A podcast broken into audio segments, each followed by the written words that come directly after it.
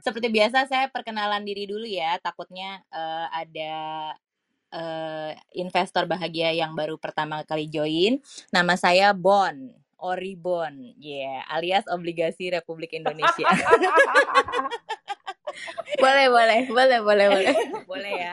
Investor bahagia siapa nih yang udah nonton film James Bond yang paling baru nih, No Time to Die? Nah, aku udah.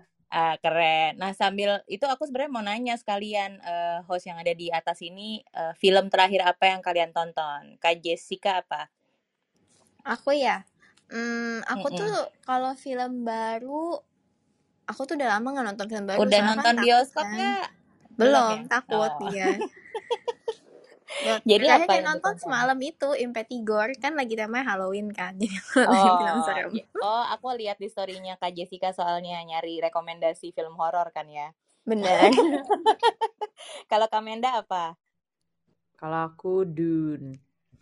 Oh iya, aku juga udah nonton. Wah, kita kayaknya orang yang uh, itu ya, berani COVID. tapi untungnya bioskopnya sepi jadi uh, bisa nonton film dua setengah jam itu. Kok Billy udah nonton apa nih? Nonton terakhir di mana dulu nih? Bioskop apa TV di bioskop dong. Bioskop. Masih nonton TV dia. Waktu itu lah pulang dari kantor langsung apa ke PP No Time Today juga. Ya ini. Oh bagus. Berarti cucok nih cucok ya. Nah Uh, saya tuh nggak mau spoiler film No Time to Die nih, tapi uh, kenapa kita angkat malam ini tuh karena nonton film ini tuh kayaknya sama tegangnya kayak mantengin IHSG nih naik turun ada pergerakan asing cari tahu ke mana arahnya terus ppkm dilonggarin diketatin gitu terus apa dampaknya ke market. Nah ini semua kan bikin investor saham nih nggak bisa lagi pakai sistem cap cip cup kembang kuncup nih ya kalau pilih saham.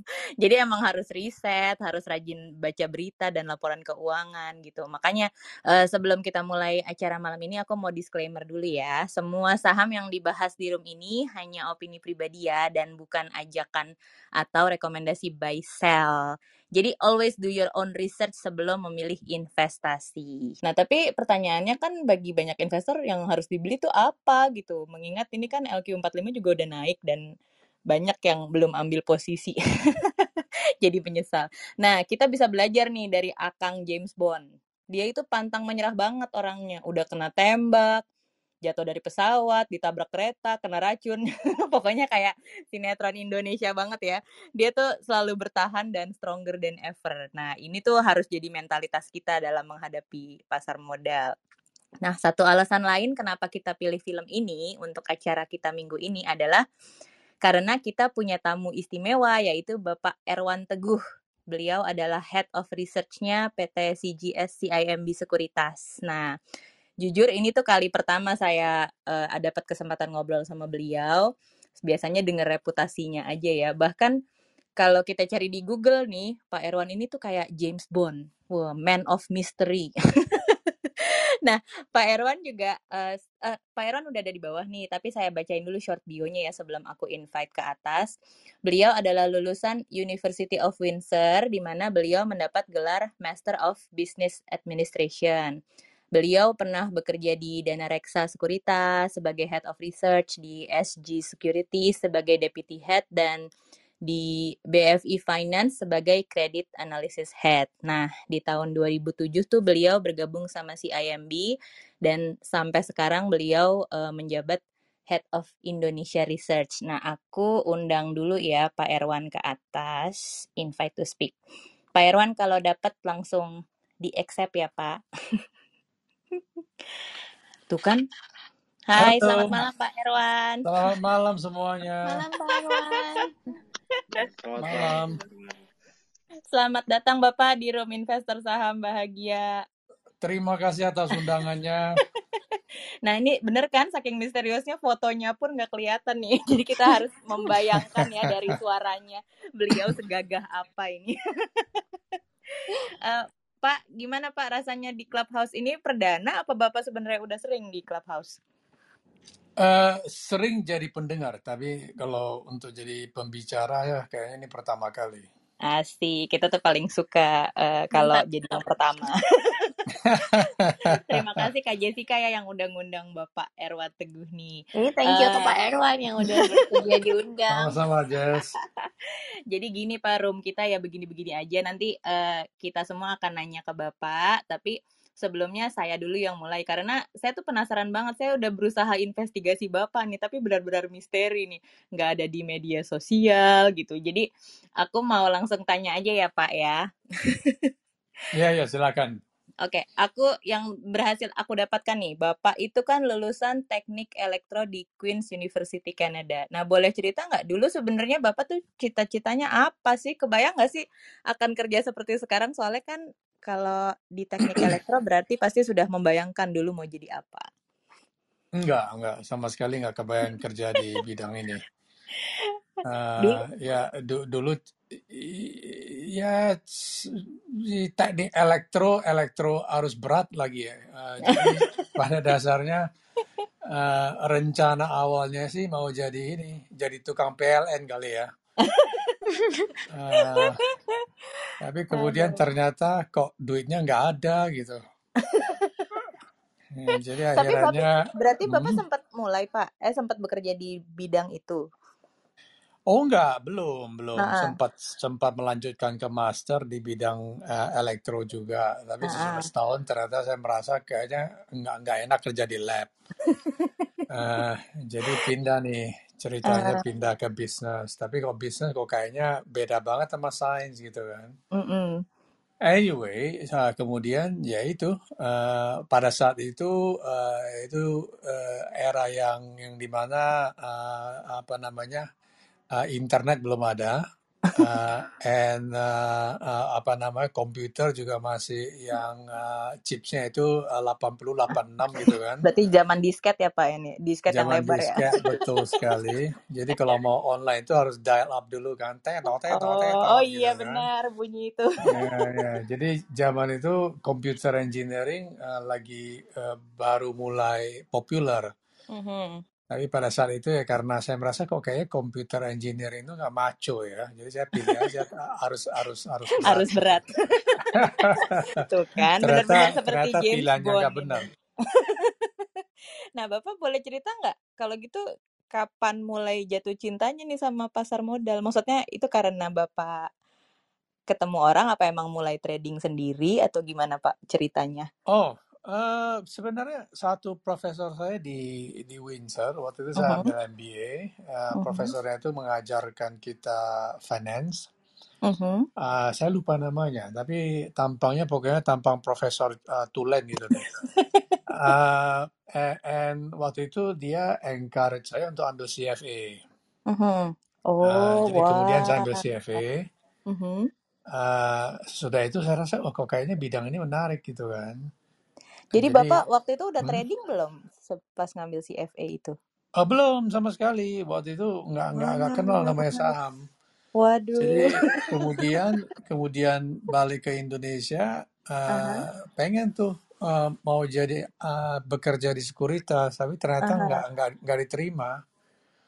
Eh, jadi akhirnya eh, apa namanya eh, kerja di BFI waktu itu namanya masih Aha, Bunas Finance. Oke. Jadi kerja di BFI, eh, kerja kerja itu salah satu kolik saya Mhm. eh, bilang sama saya, Wan, ini si eh, Crosby lagi mau cari analis, kamu mau nggak?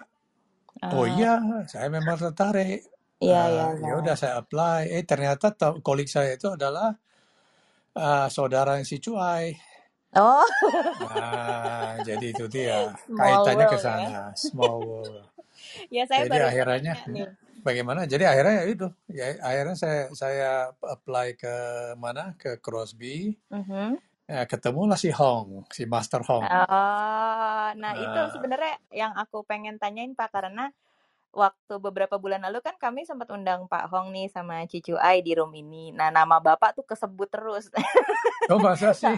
So- Soalnya kan katanya eh, apa namanya semua orang yang pernah dimentori oleh Pak Hong itu katanya harus melewati tes yang berat banget gitu. Kayaknya Pak Hong tuh suka ngasih pertanyaan-pertanyaan yang rumit gitu. Soalnya eh, buktinya adalah semua orang yang akhirnya menjadi nama besar di dunia pasar modal tuh termasuk kayak Cicu Ai, Pak Joshua Tanya, Pak Budi Warsono sama tentunya Bapak itu berarti sudah melewati tes yang sulit nih dari Pak Hong. Boleh cerita nggak Pak? Uh, pengalaman memorable apa aja waktu kerja sama si Pak Hong? Apa emang benar sesulit itu Pak? Uh, uh, well, uh, ya gimana ya? Uh, kalau umpa, saya nggak tahu apakah uh, Ori udah pernah ini kerja di uh, di di industri uh, sebagai analis gitu kan? Uh, uh. Oh saya cuma uh, mengamati analis saya. Ana analis itu ibaratnya kalau anda punya anak mau ngajarin mm -hmm. berenang, kamu cemplungin ke kolam berenang. Iya iya. Kalau ya, dia bisa terapung ya udah, kalau tenggelam ya wes juga gitu. Kurang lebih uh, begitu sih. So that's what happened sama Pak Hong, Pak. Ya, saya, saya rasa uh, apa namanya ini kan ya satu sisi uh, uh, sangat scientific uh, mm -hmm. approach-nya, satu sisi Betul. juga uh, sedikit apa sih namanya sedikit uh, art ya dalam mm -hmm. dalam hal mencari ide untuk satu satu thesis gitu kan. Mm -hmm. uh, jadi kalau belajar dari dari Hong uh, uh, lebih ke sisi kanannya yaitu sisi sisi artnya gitu kan. Mm -hmm. Nah saya masih ingat pertama kali saya tulis research itu dikasih ke ke dia untuk direview uh, dia marah-marah Mm-hmm. Eh, kita ini bukan kredit analis, kita ini stock analis. Oh, maksudnya apa, Hong? Ya, kamu kalau argumennya ya udah kalau beli ya beli bye bye bye bye bye bye. Jangan mm-hmm. kasih alasan uh, resikonya apa gitu. Nah, oh. itu. Jadi uh, satu satu pelajaran nomor satu adalah namanya equity analyst itu uh, mm-hmm. lebih uh, istilahnya you make up your mind, you push your idea, mm-hmm. uh, you don't back down. Kurang lebih begitulah. Oke, okay, oke. Okay. Jadi kalau kamu baca berita uh, apa baca-baca report yang bilang bye bye bye itu ya uh, uh-huh. for your own uh, sake uh, uh-huh. kamu cobalah baca yang sel juga gitu. Iya, iya, iya, iya. Iya sih, Pak. Soalnya akhir-akhir ini emang orang-orang banyak yang pengen instan gitu ya baca report atau misalnya denger room clubhouse kayak gini terus uh, bye bye sel sel terus mereka ya udah langsung nyemplung aja nggak nggak analisa sendiri itu juga sulit ya Pak ya. Well, saya rasa bukan cuma investor uh, individual ya, uh, uh-huh. ataupun investor retail yang yang mindset demikian. Saya nggak uh-huh. tahu pernah kamu pelajari nggak bentuk report yang ditulis oleh analis? Uh, uh, uh. Uh, kalau ibaratnya uh, apa sih birokrasi Indonesia kan uh, selalu uh, kalau kamu baca apa sih namanya kepres apa tuh oh, peraturan iya. pemerintah. Uh -huh selalu kan uh, tulisnya kurang lebih mengingat, menimbang, yeah. memutuskan yeah. kurang lebih begitu kan? Iya yeah, betul betul. Ya kalau analis itu adalah memutuskan dulu, mm-hmm. uh, baru kemudian alasannya apa. Jadi buy mm-hmm. dulu alasannya apa gitu. Jadi okay, kalau okay. kamu perhatikan hampir uh, semua report structure-nya itu adalah pyramid model istilahnya. Okay. Nah pyramid model itu uh, juga uh, istilahnya mengobserve kalau uh, manusia baca itu bacanya dari kiri ke kanan, uh-huh. atas ke bawah, kemudian dari kiri ke kanan. Ngerti maksud saya? Seperti huruf Z gitu kan? Iya iya iya. Ya. Nah, jadi i, kalau baca halaman pertama itu adalah real estate yang paling mahal itu kurang uh-huh. lebih ya uh, struktur daripada reportnya itu dibikin seperti huruf Z. Karena uh, dengan catatan yang siapa pun yang kalau memang menyempatkan waktu untuk membaca, bacanya uh-huh. yaitu dia baca garis pertama, scan ke bawah, baca yang terakhir. Jadi sebenarnya uh, uh-huh. some of the things yang dilakukan oleh analis uh, itu uh, dibentuk supaya uh, cater kepada uh, istilahnya uh, potential reader daripada reportnya. Iya, iya, iya, iya. Oh, ternyata menarik banget ya, Pak, ternyata ada struktur yang apa, aku soalnya kan penulis nih, anak sastra backgroundnya Jadi kan diajarinnya dulu kalau nulis pakai outline gitu, jadi harus runut gitu-gitu. Ternyata kalau bikin report ini beda ya, ada struktur sendirinya. Keren keren. uh, oke, itu tadi cerita sama Pak Hong. Berarti Bapak sempat kerja sama si Cicu Ai juga nggak? Iya. Ya, oh. ya, jadi waktu saya masuk sebagai analis si Chua uh-huh. itu adalah RA-nya si Hong. Oh iya ya waktu itu dia cerita kan uh, ya. apa namanya uh, cinta bersemi ya di situ ya. Karena Ai disupirin ke mana-mana katanya. itu itu saya no comment deh. Untung Wai di bawah, jadi aku nggak diprotes. Nanti Oh kita bisa ada di sini nih. confirm. Dia Nanti kita bisa confirm kebenarannya. Tuh di Oh bawah gitu. kan ada tuh Pak Cicu Oh A iya saya. semuanya. Kamu jangan jangan tanya saya lagi mengenai dia. Nanti enggak. Saya di Aku ban sama dia nanti. eh, aku ter- tertarik banget nih. Nah, Pak selain Pak Hong, eh, Bapak ada lagi nggak mentor di industri pasar modal yang Bapak kagumi atau eh, lesson apa yang Bapak dapatkan dari orang tersebut? Eh, ada, ada beberapa. Mhm. Eh, eh, salah satu kolik saya, saya masih ingat Mhm. eh, salah satu analis eh, consumer yang jago gitu kan. Mhm. Terus eh, saya pernah, saya kan masih junior waktu itu, saya mau Mhm. belajar dari dia. Mhm. Eh, so saya mau lihat modelnya. Ternyata dia nggak ada model. Jadi kalau mau bikin report itu dia akan telepon perusahaannya, dia cecer habis eh, perusahaannya. Kemudian eh, hitung-hitungnya kalau istilahnya kita ini adalah back of the envelope calculation. Eh, hitung-hitung-hitung, ya udah dapat angka, ya udah itu angkanya. Tapi angkanya lumayan akurat gitu kan. Oke, oke. Nah itu satu satu satu pelajaran bahwa kadang-kadang uh, membuat model yang bagus dan akurat bukan berarti kamu adalah analis yang bagus gitu. Mhm. Oke, oke. Nah, terus kemudian saya belajar lagi waktu di Dana Reksa dengan si Mhm. Joshua. Oh, iya. Nah, kebalikan daripada my ex colleague itu, Joshua Aha. super super jelimet. Jadi modelnya itu paling paling line by line paling teliti, paling mau. Saya juga belajar. Oh ternyata bikin model bagus enak juga hidup ya gitu loh. Ah, jadi kalau saya ini saya saya rasa saya in between. Oke. Ah, cuman stylenya itu lebih eh, mungkin mencoba mengikuti Hong ya supaya Mhm. sesukses beliau gitu kan. Ternyata nggak bisa sih. Ah, jadi saya saya lebih mementingkan dari sisi tesisnya konsisten. Oke. Ah, yang namanya angka itu harus uh, support your argument. Kadang-kadang sih bukan di other way around, gitu, kurang lebih Mhm, begitulah. mhm.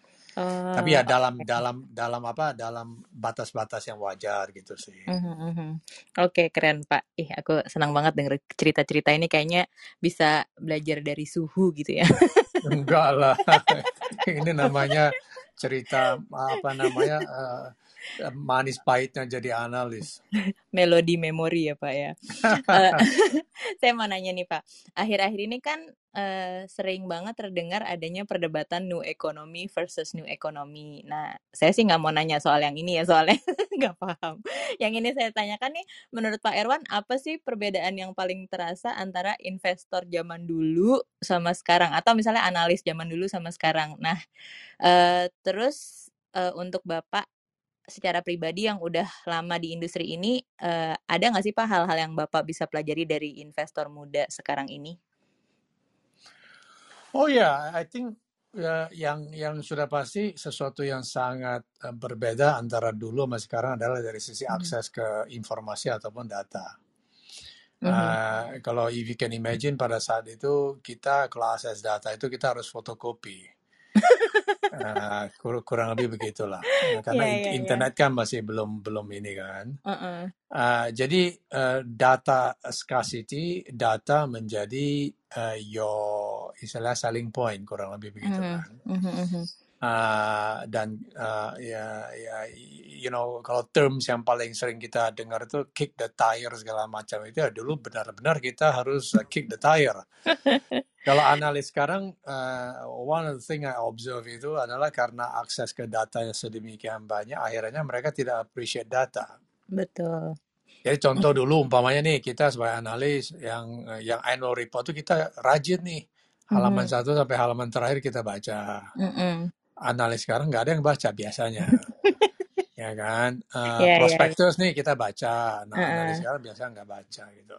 Oke, oke. Ah, jadi saya pikir uh, uh, uh, human being, uh, I suppose Mhm, kalau kamu ada abundant of something, anggap mhm. dianggap Benar. ya quote unquote sampah Take it gitu for kan. granted ya Pak ya. Eh, Exactly, Mhm, mhm. exactly.